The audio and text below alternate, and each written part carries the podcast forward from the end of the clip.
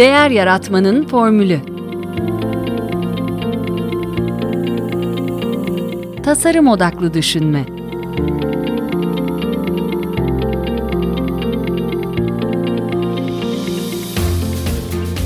Merhaba, e, ben Mete Yurtsever. Değer Yaratmanın Formülü Podcast'inin ev sahibiyim. E, bugün özel bir konumuz var, Gamze Nurluoğlu. Konuğumuz diyorum çünkü bu aynı zamanda e, Derya ortak yayını gibi olacak. Hoş geldiniz Gamze Hanım. Herkese merhaba, hoş bulduk. Ben kısaca yine adet olduğu üzere sizi e, hem üyelerimize hem dinleyicilerimize e, tanıtayım. E, İstanbul Üniversitesi Siyaset Bilimi ve Uluslararası İlişkiler mezunusunuz. E, ancak hemen mezuniyet sonrasında kariyerinizi dijital iletişim üzerine kurmaya karar verdiniz. E, yaklaşık 7 yıldır da çalıştığınız kurumlarda e, bu alanda 250'den fazla e, global ve yerel marka hizmet vermişsiniz.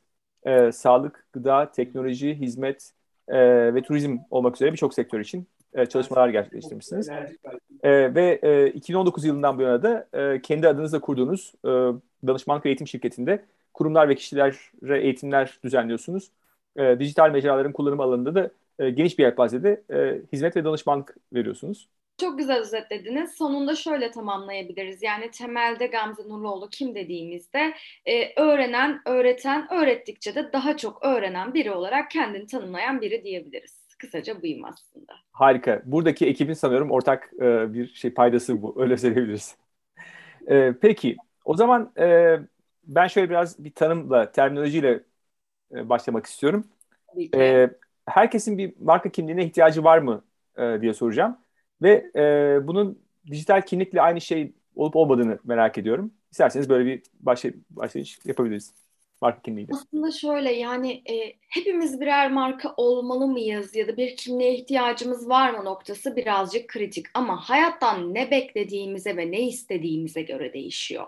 Eğer biz e, çalıştığımız şirkette eskiden markayı sadece bir de kendi işini yapanlar için konuşurduk ama o kısım birazcık değişti.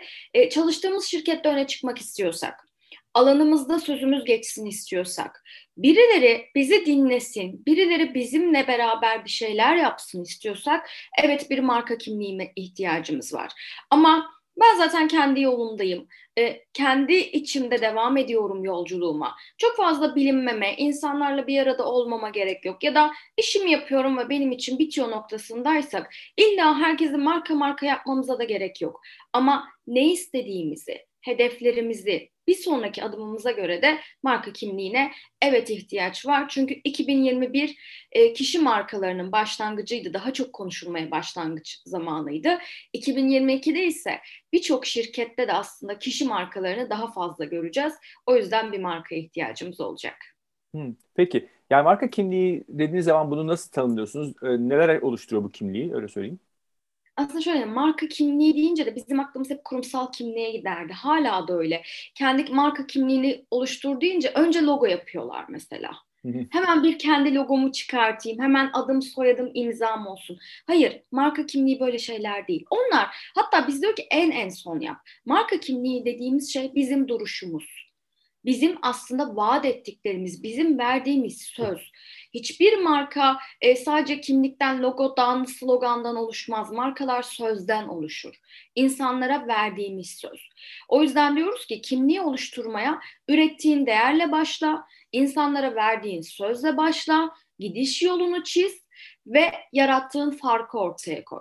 Senin farkın ne? Senin insanlara katacağın değer, sağlayacağın fayda ne? Bunları biliyorsan ve uygulamaya başlıyorsan marka kimliğin tam o noktada oluşuyor. Ardından sonuna geliyor logolar, linkler, web siteleri bunlar en son aşama. Çok güzel bir vurgu oldu evet bu gerçekten. Ee, peki e, dijital kimlik deyince e, nasıl farklılaşıyor bu bahsettiğimiz kavramda? Şöyle e, bu evet verdiğimiz sözler, faydalar vesaire bunlar dijital kimliğin bir parçası. Ama dijital kimlik yönetilebilen bir şey ve insanların artık e, bizim hakkımızda aradıkları her şey de dijital kimliğin bir parçası. Bıraktığımız izde, bıraktığımız kir de dijital kimliğin bir parçası. O yüzden biz dijital kimlikten bahsederken yine aynı şeyi yapıyorlar. Gidiyorlar işte sosyal medya hesabını toparlayayım düzgün dursun. Evet onu yapıyoruz. Bizim için çok değerli. Ama mesela önce Google Google'la başlıyoruz. Biri bizi aradığında hakkımızda ne çıkıyor? Kimliği yönetelim diye. Biri Google fotoğraflara baktığında ne görüyor? Kimliği yönetelim. Ardından geliyoruz. Evet sosyal medya hesaplarını toparlıyoruz. Kendi kullandığımız kanalları toparlıyoruz. Sonra bir web sitesi vesaire varsa bize ait onlara bakıyoruz. Çünkü dijital kimlik bizim hem yönetebildiklerimiz kontrolümüz altında olanlardan oluşuyor hem de yönetemediklerimizden oluşuyor. İnsanların bizim hakkımızda bir yerlerde konuştukları da bizim dijital kimliğimiz. Etiketlendiğimiz fotoğraflar da dijital kimliğimiz. Google'da hakkımızda çıkan metinlerde. O yüzden her şeyi kontrol altında tutmak ve kimliği yönetmek belirli noktada yine bizim elimizde. Peki yani sosyal medya sanıyorum yine en bunun bizim kontrolümüz altında olabileceği taraf Kesinlikle. bir parça. Orada yani her yerde olmak gerekiyor mu? Böyle deyince yani bir şekilde bir kimliğimiz varsa bizim daha doğrusu bir e, marka kimliğimiz varsa e, bunun yansımaları her yerde olmak zorunda mı? Örneğin işte yani bunun hangisinin bizim için doğru olduğunu nereden bileceğiz? Ben örneğin işte Instagram'ı e, bir Instagram özürlüyüm. Hani e, orada doğru düz bir şey de paylaşamıyorum. Bana çok şey gelmiyor yani. Çok nasıl diyeyim? Kendimi orada rahat hisset, hissedemiyorum belki. E, ama e, belki benim his, hitap ettiğim kişilere de aslında orası, onların da orada bulunduğu bir yer. Ama kendimi zorlamalı mıyım e, böyle bir şey için? Aslında şöyle, e, herkes hep şey der, işte Instagram popüler orayı kullan, işte TikTok çıktı acaba TikTok'a mı girsem, e, video çekmeyi seviyorsan aman bu videoları kesinlikle YouTube'a da ekle. Hayır, böyle bir şey yok.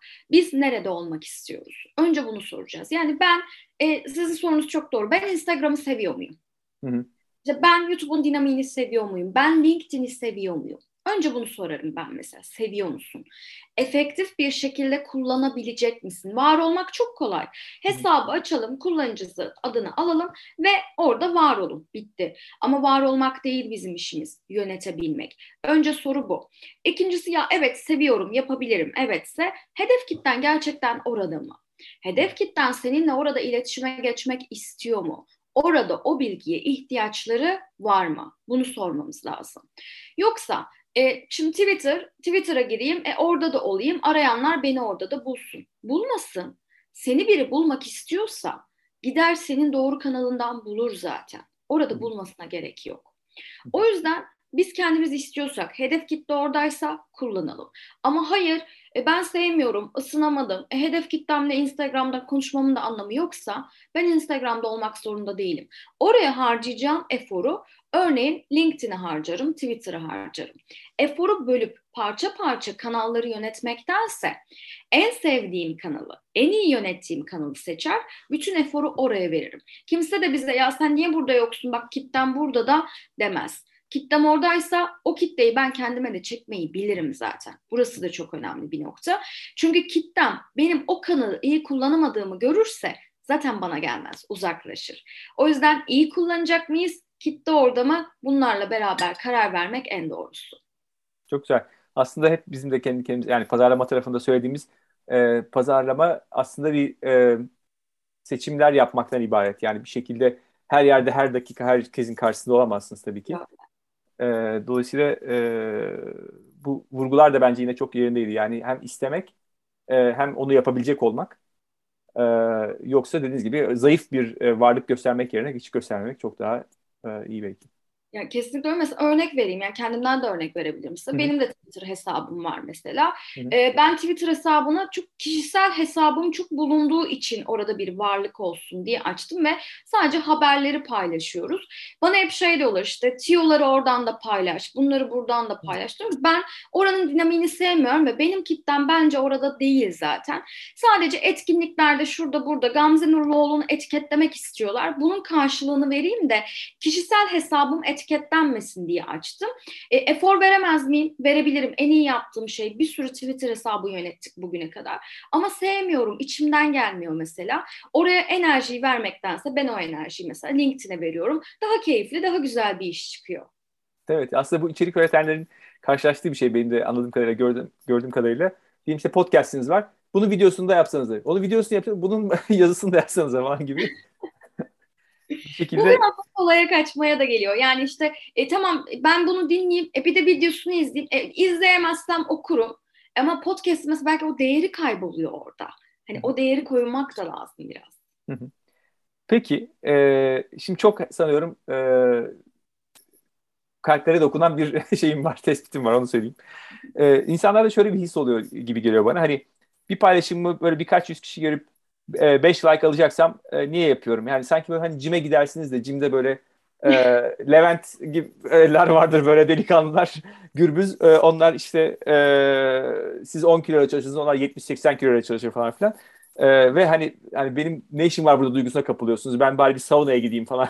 hani çok fazla şey hani sanki böyle bir e, skor elde edilmezse e, çok bir kıymeti yokmuş gibi bir şey oluyor. Buna katılıyor musunuz? Şimdi burada neden ürettiğimiz önemli. Yani bir şey paylaşırken neden paylaştığımız önemli. Hangi hisle paylaşıyoruz? Beğenilme dürtümüzü tatmin etmek mi olay? Bunun cevabını vermemiz lazım. Güzel. Eğer olay beğenilme dürtümüzü tatmin etmekse hiçbir beğeni sayısı bizi tatmin etmez. Bugün 100 beğeni aldığımızda yarın 98 aldığımızda 100 bizim için değersizleşir. 150 aldığımızda ay 100'de neymiş deriz. Bunun sonu yok. Bu zaten artık belirli bir noktadan sonra psikolojik olarak zorlanmayı, kendini topluma kabul ettirme çabasını, daha fazla insanın gözü üstünde olsun çabasını getiriyor ürettiğimizi de değersizleştiriyor ve çıkmaza girip belirli bir noktada zaten üretmiyoruz. Ama aslında buradaki his özellikle içerik üreticilerde şu olması gerekiyor. Biz üretiyorsak birilerine ulaşmak, fayda sağlamak ve en nihayetinde de evet beğenilmek için tamam hepimiz bunu yapıyoruz ama beğenilme dürtüsünü kenara koyarak yapmamız lazım. Çünkü hep şunu söylüyoruz. 100 e, kişinin seni beğenmesi ya da okumadan o beğenme işlemine tıklayıp geçmesiyle 10 kişinin okuyup, izleyip, yorum yapıp beğenmesi arasında yaratılan değer bambaşka. O 10 kişi seni alıp A noktasından B noktasına taşır, ilerletir, gider bir yerlerde hakkında konuşur, ağızdan ağızla pazarlamanı yapar. 100 kişi 2 saniye sonra hatırlamaya da bilir. Hangisini seçeceğiz? Söz konusu beğenilme dürtümüzse e, bunu yapmanın çok daha kolay yolları da var. Yani basit bir videoyla da hemen beğeni alabiliyorsunuz. Kedi video hep tartışılıyor ya yani şimdi kedi bebek videosuyla adam bir sürü beğeni alıyor. Onun derdi üretmek, fayda yaratmak, değer yaratmak değil ki beğenilme dürtüsünü tatmin ediyor. Sosyal medyada kedi bebek videosuyla, işte dışarıda görünüşüyle, belki işte mal varlığıyla, başka bir şeyle. O dürtüyü bir şekilde tatmin edecek o. Ama biz değere odaklanalım. Nasıl değer yaratacağımıza odaklanalım. Çünkü bizi gerçekten A noktasından B noktasına değer götürecek. Çok güzel. Aslında bizde e, kitap kulübünde bir de kitap kulübümüz var. E, bilmiyorum takip ediyorsanız. Orada da Akış'ı okuduk. E, Mihail Sikset Mihaili'den. E, ve e, orada da söylediği şey aslında buydu. Siz motivasyonunuzu dışsal bir motivasyon olarak belirlerseniz dediğiniz gibi işte beğenilme, başkası beni beğensin. E, bunun bir sonu yok dediğiniz gibi. Bundan hiçbir şey tatmin de olamıyorsunuz. İşte fakat içerik üretenlerin de böyle bir sıkıntısı var. E, o içsel motivasyonunun tatmin olduğu veya kendinize nasıl hedef koyabilirsiniz ki Aa, ben bunu eriştim e, tamam demeniz. İşte belki dediğiniz gibi aslında belki bir e, okuyucunun bile oraya bir yorum yazması e, sizi bir şekilde şey yapıyor, tatmin ediyor. Bir de şu var yani e, gerçekten de beğeni sayıları şunlar bunlar e, Instagram bile Twitter bile bunları gizlemeye başlamışken artık bunlara takılmamamız gerekiyor. Ya adamlar bunun o kadar verimsiz olduğunu düşündü ki gizliyorlar ya da manipüle edilebilir bir şey olduğunu. Ama şuna odaklanabiliriz sonuca. Etraftaki konuşmaları dinleyebiliriz. Hakkımızda nerede ne konuşuluyor buna bakabiliriz. Bizim içeriklerimize ne kadar yorum yapılıyor, ne kadar paylaşılıyor. Bazen biz farkında olmadan Google'da, şurada, burada birileri hakkımızda konuşuyor. O yüzden zaten Google'ı aramak bu kadar önemli. Onun yarattığı değeri keşfettikçe de aa evet bak bu beğeniye yansımamıştı ama bak insanlar benim hakkımda konuşuyor diyorsun. Bir de şu var. Gerçekten de dijital platformların üreticilerinin yani yüzde bir, bir buçuğu içerik üretiyor. Hani yüzde onu işte böyle beğeniyor, etkileşime geçiyor. Ee, yüzde seksen dokuzu da neredeyse hani hiç tepki vermiyor ama görüyor, okuyor. Gidiyor arkadaşıyla konuşuyor, anlatıyor. Böyle bir şey gördüm diyor. Şimdi beğeniye odaklanmak bir defa yüzde seksen dokuzu yok saymak demek. Çok büyük bir kitleyi. O yüzden yok saymayalım, yarattığımız etkiye bakalım diyorum ben her zaman. Bu arada biz LinkedIn'de e, ben biraz bir varlık göstermek istediğim zaman Gamze Hanım'a e, bir yerde tanışmıştık. Oradan e, onun yardımını istedim. Böyle bir kısa dönem beraber de çalıştık aslında sağ olsun. E, ve sonrasında da hakikaten yani son sürece baktığınız zaman e, sanıyorum e, 2019 e, Evet 2019 sonuydu galiba evet. E, ve yani ben sonrasında e, her gün e, yani hemen arkasında değil ama Mayıs ayı gibi herhalde 2020 Mayıs'tan beri herhalde e, aralıksız her gün bir paylaşım yapmaya başladım ve gerçekten bir artışı da tabii ki gördüm. Yani e, belki e, 3'e katladı e, takipçi sayısı o süre içerisinde falan. Fakat yine de bakıyorsunuz işte mesela şimdi 12 bin civarı diyelim takipçim var ama yani en iyi e, paylaşımlarım 7-8 bin. Hani arada çok nadiren böyle birkaç paylaşım 20 bin belki e, şey kişi tarafından görüntüleniyor. E, ve şeyi hani bekliyorsunuz değil mi? İşte 12 bin takipçim var. E, niye bu kadar burası düşük kalıyor? Tabii ki yani bunun arkasında pratik bir takım şeyler, sebepler olduğunu anlıyorum. Hani e, öyle bir şey herkesin kinde görünsem bu defa e, o e, historiler altından kalkılmaz bir hale gelecek tabii bir şekilde. E, ama burada yine bir e, yine de algoritmanın hoşuna gidecek bir şeyler mi yapmak e, gerekiyor? Yine de insan çünkü sonuçta hani tamam sayıları bir kenara bırakalım ama daha fazla takip edilmek ve daha fazla etki alanınızı genişletmek istiyorsunuz sonuçta. Bu organik anlamda böyle yapabileceğimiz e, neler var? Veya algoritma dediğimiz e, bu şey e, iyi mi geçinmemiz lazım? Nasıl iyi geçineceğiz? Şimdi şöyle evet e, algoritmayı manipüle edebiliyoruz. Özellikle LinkedIn algoritmasını doğru adımlar attığınızda manipüle etmek en kolay algoritmalardan bir tanesi. Ama önce bilmek gerekiyor ve şunu kabul etmek gerekiyor. Bakın Instagram'ın amacı sizi olabildiği kadar fazla insana göstermektir. Hatta bunun için erişimlerinizi keser ki gidin reklam kullanın ve daha fazla insana görünün diye. Algoritma tamamen bunun üstüne kurulmuştur. LinkedIn ise başka bir şey söyler ve her yeni özellik eklediğinde, her algoritma değiştirdiğinde de aynı şeyin altını çizer. Benim derdim seni daha fazla insana göstermek değil. Benim derdim seni, seninle alaka düzeyi yüksek seninle ilgilenebilecek, seninle aranda konuşma başlatacak insanlara göstermek. Bir defa bunu çok iyi anlamak ve kavramak gerekiyor. İkincisi özellikle içerik oluşturucu modunu getirdikten sonra bir şeyler böyle bir e, yerle bir oldu. Yani modu açtığınızda hesap yere çöküyor. Modu kapattığınızda ayrı bir çöküş yaşıyorsunuz. Ama diyoruz ki modu açtığınızda hesap çökecek ve sonra da algoritma şunu diyecek. Ben artık senin, sen bir içerik oluşturucusun senin oluşturduğun metinde geçen anahtar kelimelere göre senin içeriğinle doğrudan ilgilenebilecek insanlara ve sana yorum yapacak, beğenecek insanlara göstereceğim seni. Artık her içeriğin herkese gösterme devri neredeyse kapanıyor. Daha iyi bir algoritma işliyor orada ve daha çok insana ulaştıracak ama ilgilenen. Burası çok kritik. Hı hı. Diğer taraftan da şu var. Manipüle edemez miyiz? Ederiz. Nasıl manipüle ediyoruz mesela? Şöyle sadece algoritmaya şu hissi veriyoruz. Benim içeriğim o kadar güzel ki. Benim içeriğim ilk 20 dakikada bakın LinkedIn'de bir şey paylaştığınızda ilk 20 dakika çok kritiktir. Çünkü değerlendirmelerden geçer, orada bir algoritma işler, hedef kitleye sunar. İlk 20 dakikada beğeni alırsınız. İlk 20 dakikada yorum alırsanız, paylaşım alırsanız algoritma der ki bu gönderide bir şey var. Bak daha 20 dakika oldu bağlantılı hedef kitlede ama bir yerlerden yorum geliyor. Bir yerlerden beğeni geliyor. Nasıl manipüle ediyoruz? Çok değerli bir şey, bizim için çok değerli bir gönderi. Ee, belki iş grubumuza, belki yakın arkadaş grubumuza, belki etkisinin yüksek olduğunu düşündüğümüz insanlara bunu gönderip işte beğenisini, yorumunu vesaire istiyoruz. Yorum yapacaksa dört kelime ve üstü yorum yapmasını istiyoruz. Diğer taraftan da e, bunu 20 dakikada yaptığında da böyle ufak bir manipülasyonu gerçekleşiyor. Ama tabii ki bununla bitmiyor. Profili güncel tutmak, e, belirli bir paylaşım düzenini oturtmak, belirli etiketleri kullanmak her biri algoritmayı etkileyen temel etkenler aslında. Çok güzel. Ya aslında mesela ben de bir içerik üreticisi olarak e, kendimi tanımladım. E, böyle bir opsiyonu herkes açıyorlar mı bilmiyorum. Yani bana açtılar ve ben çok paylaştığım için mi belki bilmiyorum. Hani veya kendinizi böyle tanımlayabiliyorsunuz galiba. Başladılar. Evet evet yani bu e, çok spesifik bir özellik değil. Hmm. Bütün profillere geldi artık hani özellik yaygınlaştığı için.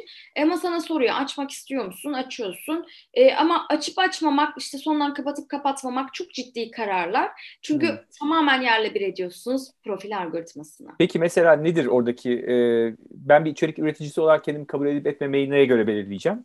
Böyle bir böyle bir şey ipucusu mu yok galiba çünkü bildiğim No, aslında şöyle, biz e, düzenli paylaşım yapıyor muyuz? e, belirli... Düzenden kastımız yani her hafta mı, her gün mü? Yok hayır. Düzen aslında yani düzen kısmı da çok tartışılıyor gerçekten. Yani düzen şudur.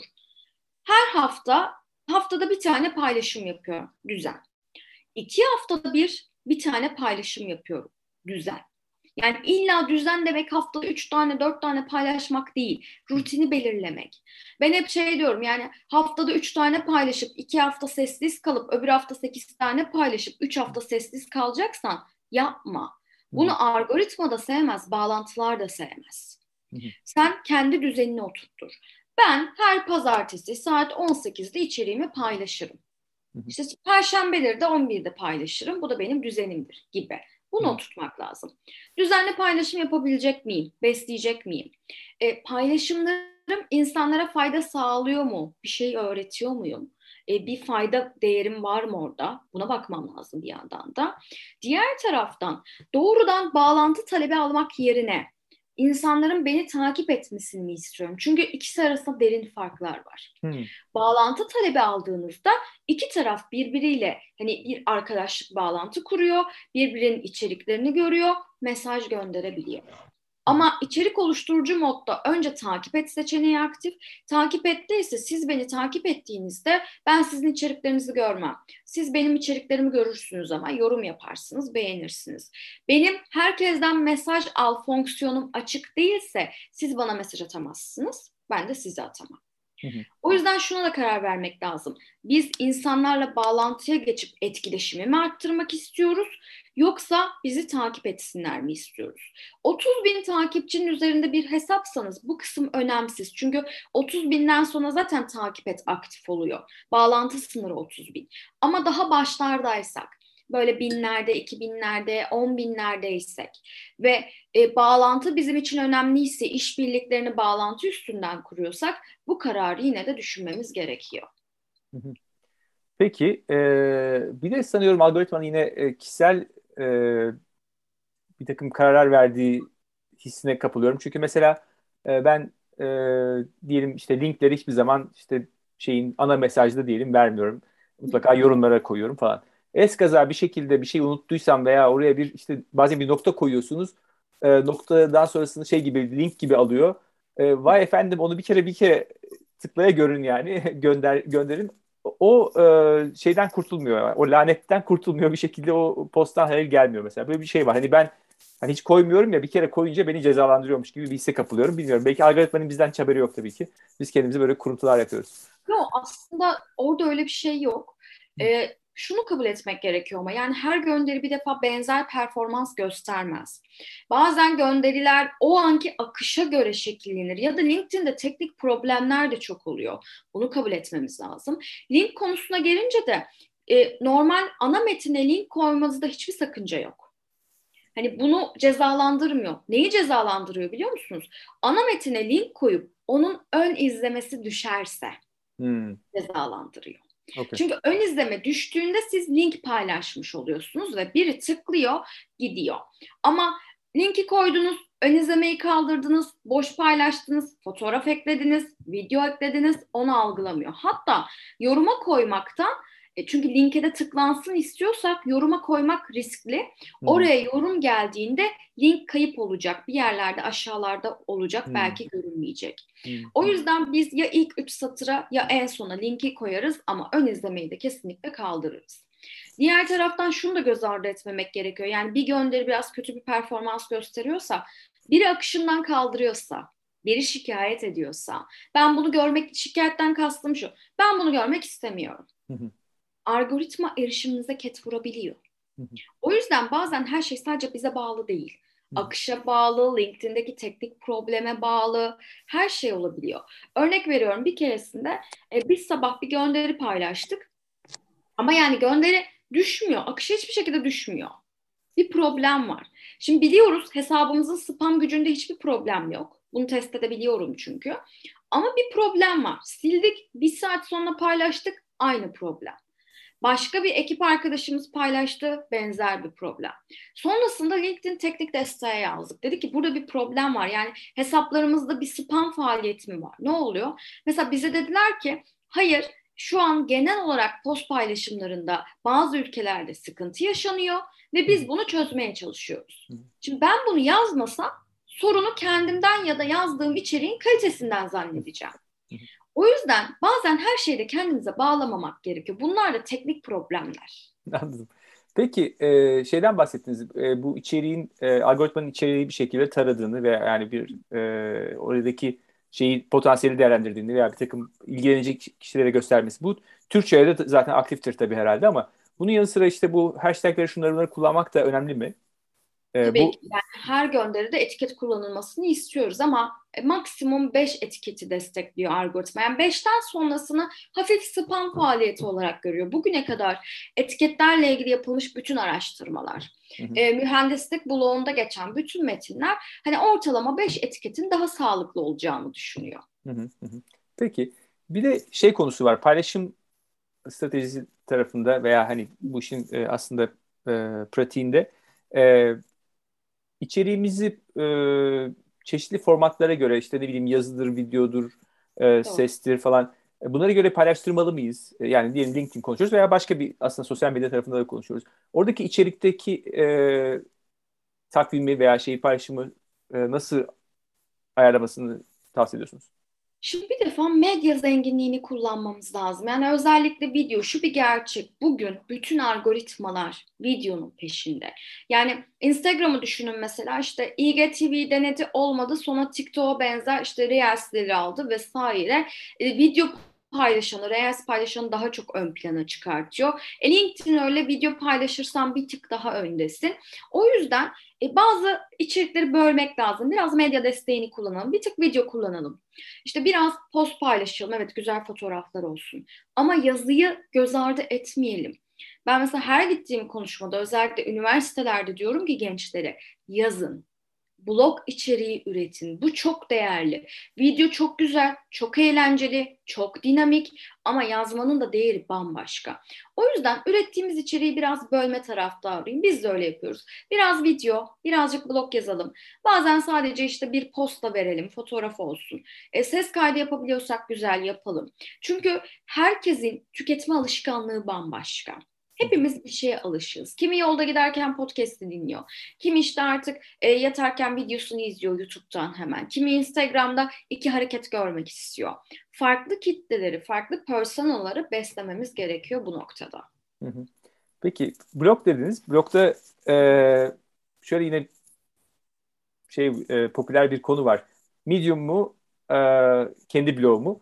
Bunu size soruyorum ama siz galiba kendi blogunuzu da galiba videoma çevirdiniz. Çünkü kendi blogunuzu göremedim. Veya oraya mı yönlendiriliyor? Öyle bir şey var. Şöyle alın adımız doğrudan Medium'a yönleniyor bizim. Peki bunda yani siz yaptığınıza göre bir risk görmüyorsunuz herhalde. Hani e, çünkü buradan da şeye bağlayacağım aslında. Hani e, sosyal medyaya okey konuştuk ama bunlar hepsi işte sosyal medyanın e, kaba dayıları, abileri, LinkedIn'iydi bilmem neydi falan filan. Diyorlar ki bunların elinize bırakmayın kendi kaderinizi. Siz işte e-mail toplayın. E, e-mail ile kendiniz birebir e, bağ kurun. Aynı şekilde aslında Medium için de aynı şey. Yani Medium, Medium'da bulunmak mı yoksa kendi blog olmak mı? Bunları nasıl değerlendirirsiniz? Şimdi şöyle güzel, evet kendi blogumuz olsun, kendi web sitemiz olsun, işte datayı toplayalım, data gelsin bize vesaire. Bunlar güzel ve değerli. Bunu kabul ediyorum. Evet, bir kendi varlığımızda olsun, yönetebiliyorsak. Ama kimse okumayacaksa ne anlamı var? Yani ben oraya işte Google'da sıralayamayacaksam, üste çıkaramayacaksam, insanlara içeriğimi okutamayacaksam ne anlamı var bunun?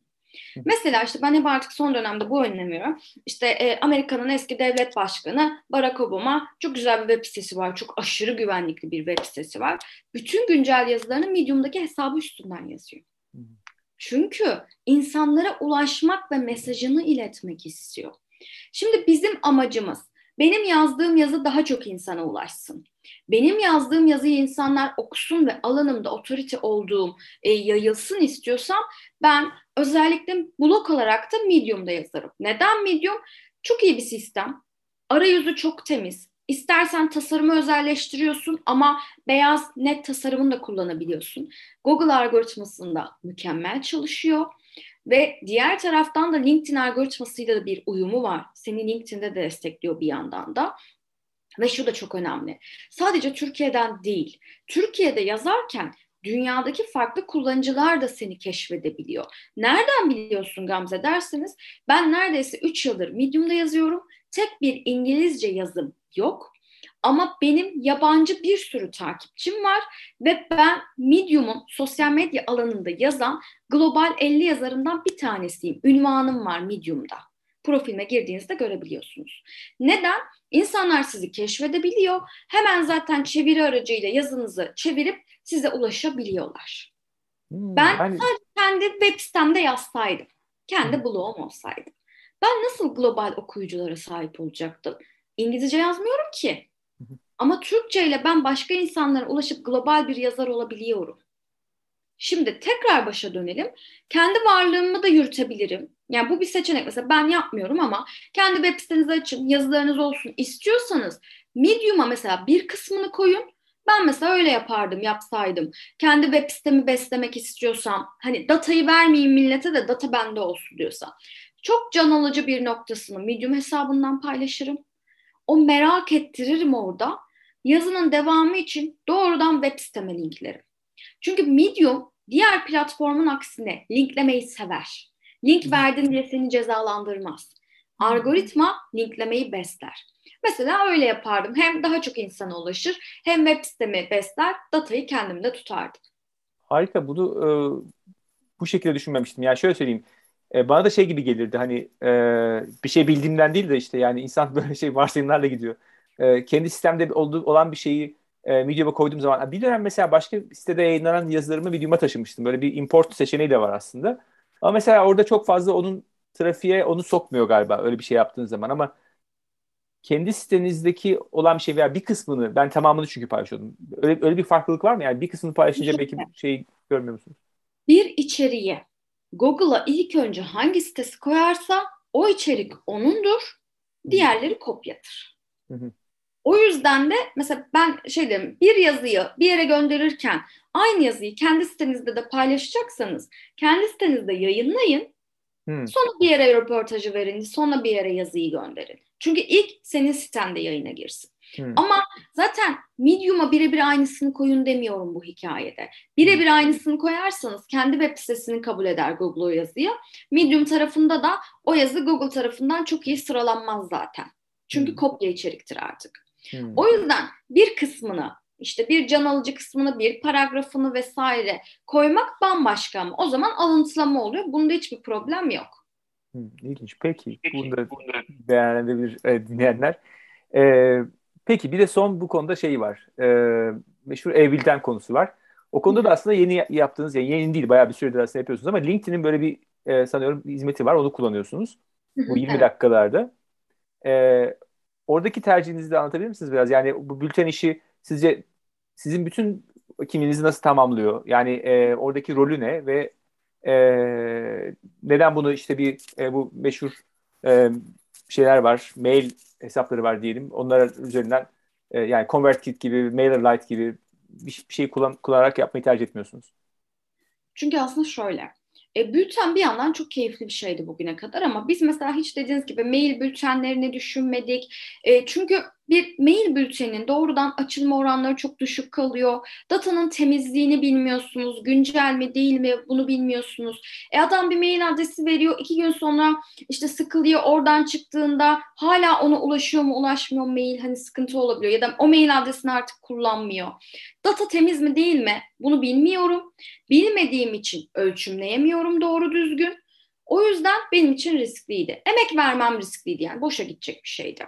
LinkedIn ise e, bir süre önce haber bültenlerine getirdi ki bunu içerik oluşturucu modunun altına alıyor aslında. İleride bütün içerik oluşturucular haber bülteni paylaşabilecekler.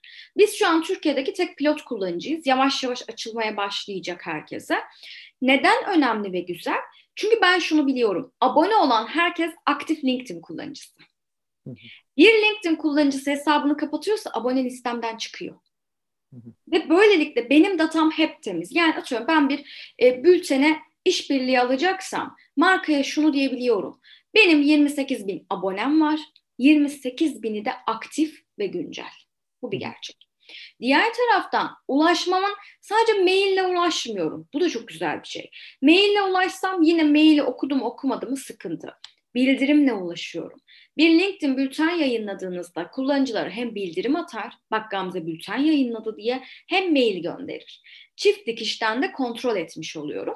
Bu sefer verdiğim emeğin karşılığı bana gerçekten de dönüyor. Biz yaklaşık işte bir yıl olacak bülten yayınlayalı. Çok güzel yol kat ettik. Çok güzel geri dönüşler aldık ve gerçekten de dedik ki e, iyi ki bu yöntemle bülten yayınlamaya başladık. Belki bir mail bülteni paylaşsaydık üç gün sonra hiçbir karşılık ve etki ölçümleyemediğimiz etkilerle bırakacaktık. Ama biz de her cuma keyifle hazırlıyoruz şu anda bülteni mesela.